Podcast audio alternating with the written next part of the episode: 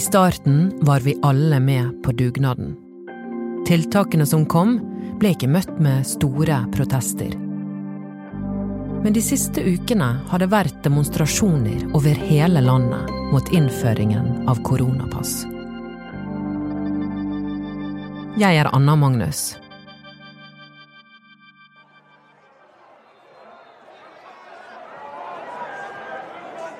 Dette er lyden av tusenvis av demonstranter som protesterer mot koronatiltak i London.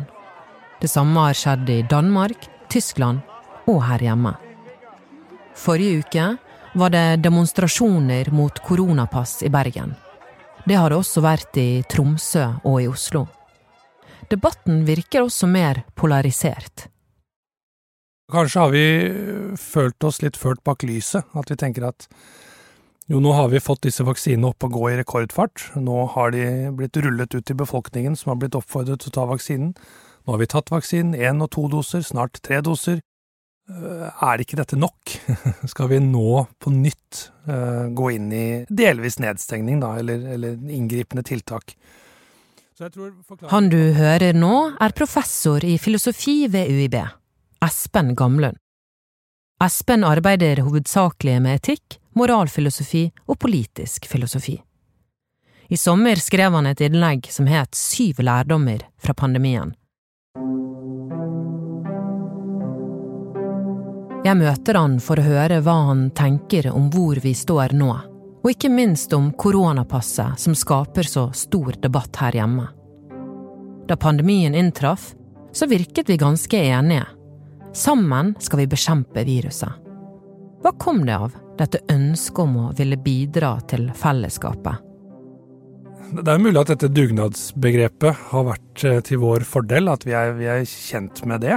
Eh, og det betyr jo at man stiller opp for hverandre når det kreves en, en ekstrainnsats. Så har vi selvfølgelig da veldig høy tillit i samfunnet.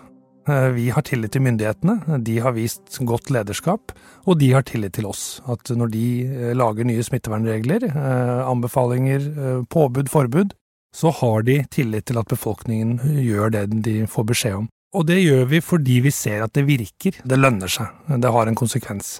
Så det gir jo økt motivasjon til at man lever med nedstengning en liten periode, fordi da ser man at det hjelper faktisk. Men så endrer det seg hele tiden, da. I Norge har over 90% av de over 18 år tatt vaksinen. Hvem er de som ikke har tatt den? Jeg spør Espen hvilke tanker han har gjort seg om vaksinemotstandere. Ja, jeg tror nok ikke det er en, en homogen gruppe. Jeg tror det er en, en Du har de eh, mer radikale vaksinemotstanderne som er skeptisk til vaksiner. Men så har du de som kanskje er tilhengere av barnevaksinasjonsprogrammet og vaksinerer barna sine, men som av eh, en eller annen grunn ikke ønsker å ta eh, koronavaksinen. Det kan være en velbegrunnet eh, skepsis, frykt. Det har jo vært en del usikkerhet rundt disse vaksinene, og i starten med AstraZeneca med bivirkninger og så videre, så det er lett å forstå at noen kan bli engstelige. Samtidig så er jo, syns jeg, det er godt kommunisert til befolkningen hvor sikre disse vaksinene faktisk er, og hva de gjør. De gir deg individuell immunitet, beskyttelse mot alvorlig sykdom og død. Og så har det i tillegg vært et håp at vaksinen også skal ha eh, en effekt på smittespredning. Altså at du ikke bringer viruset videre hvis du er vaksinert.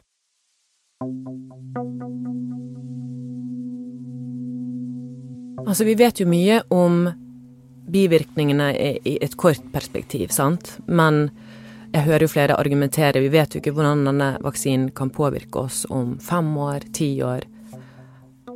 Hva tenker du om det?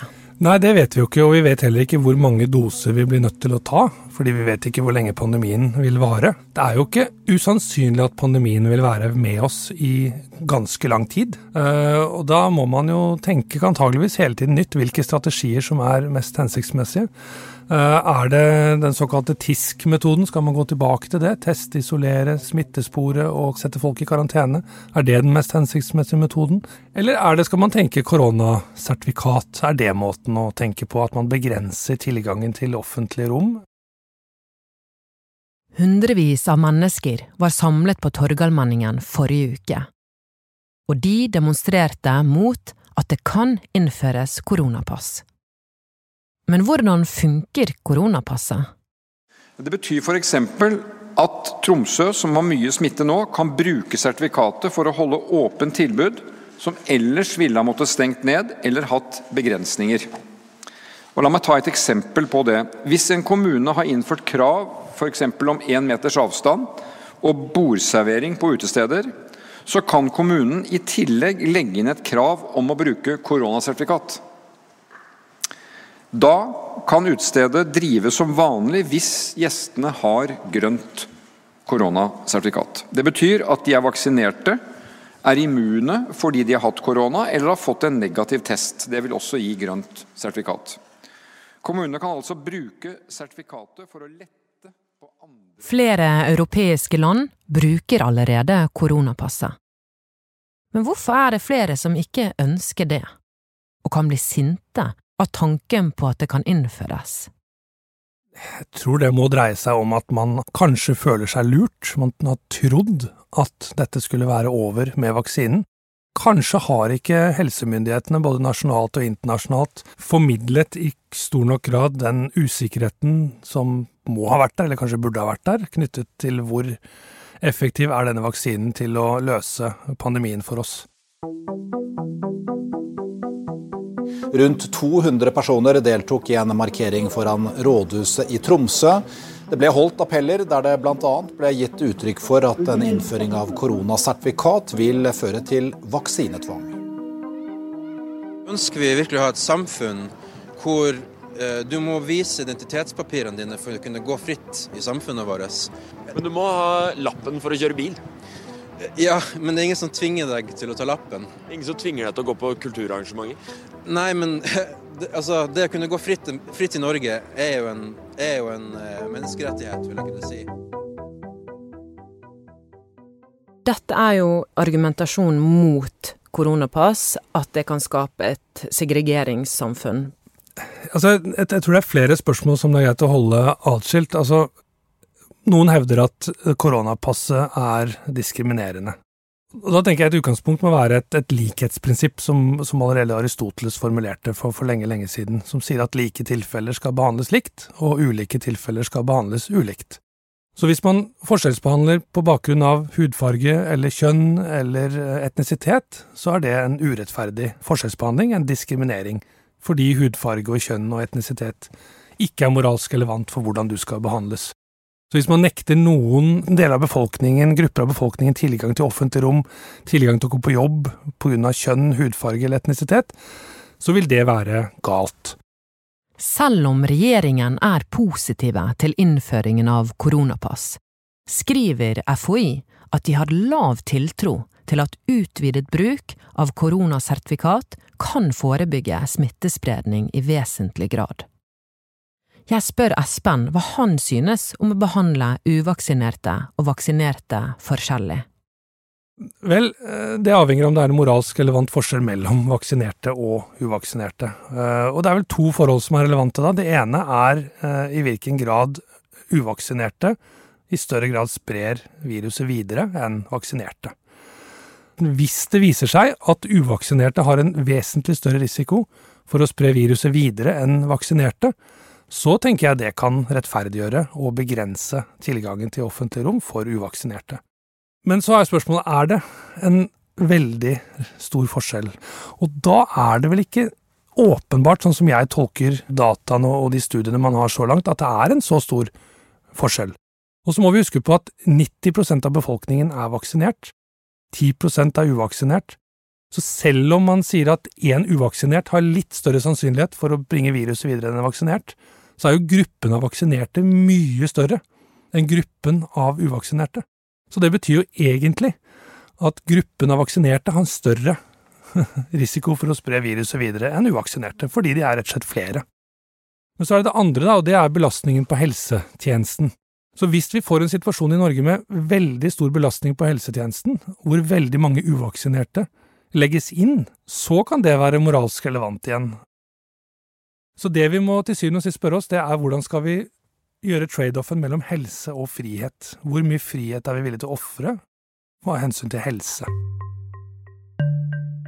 Ifølge FHI så har fullvaksinerte 20–50% redusert risiko for å smitte videre. Altså, når man har tatt vaksinen, så smitter man færre. Men vi vet jo også at vaksinen mister effekt over tid. Betyr det at man kan stå i fare for å smitte flere om man har viruset, jo lengre tid det har gått siden man tok forrige vaksinedose. Jeg fikk vaksinen andre dose i august. Uh, ut fra det jeg vet, så avtar uh, effekten av vaksinen på meg har avtatt ganske mye. Og det er ikke sikkert det er noen vesentlig forskjell på meg og en uvaksinert når det gjelder i hvilken grad jeg eller en uvaksinert bringer viruset videre. Jeg ringte smittevernoverlegen i Bergen, Skjellhaug for å høre. Han sier at det er sannsynlig at det er en sammenheng der, men det er ikke sikker dokumentasjon på det ennå.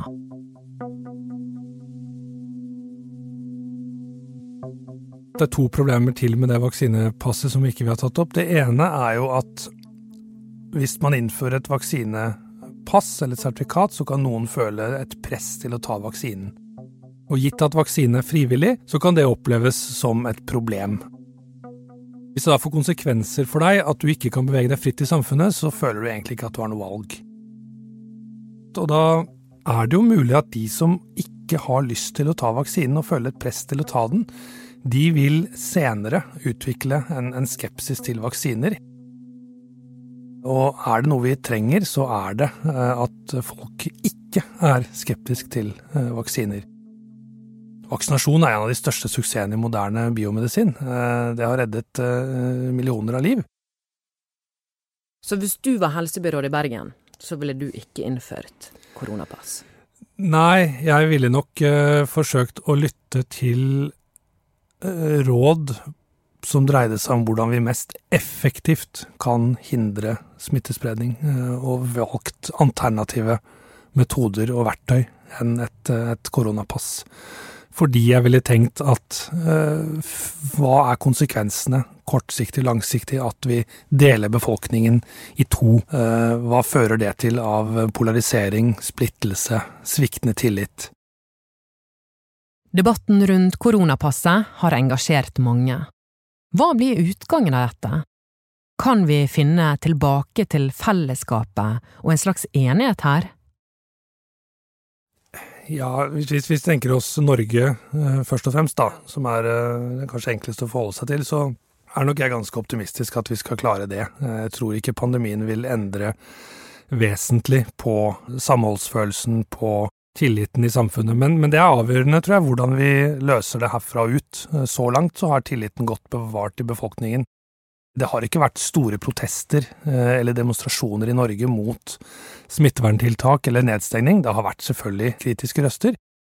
Men det er klart, hvis man nå eh, framover får tiltak som rammer noen eh, hardere enn andre, så kan jo den fellesskapsfølelsen eh, og eh, tilliten eh, utfordres. Hva skjedde? er en podkast fra Bergenstidene. Og denne episoden er laget av meg, Anna Magnus, Arve Stigen og Anna Offstad.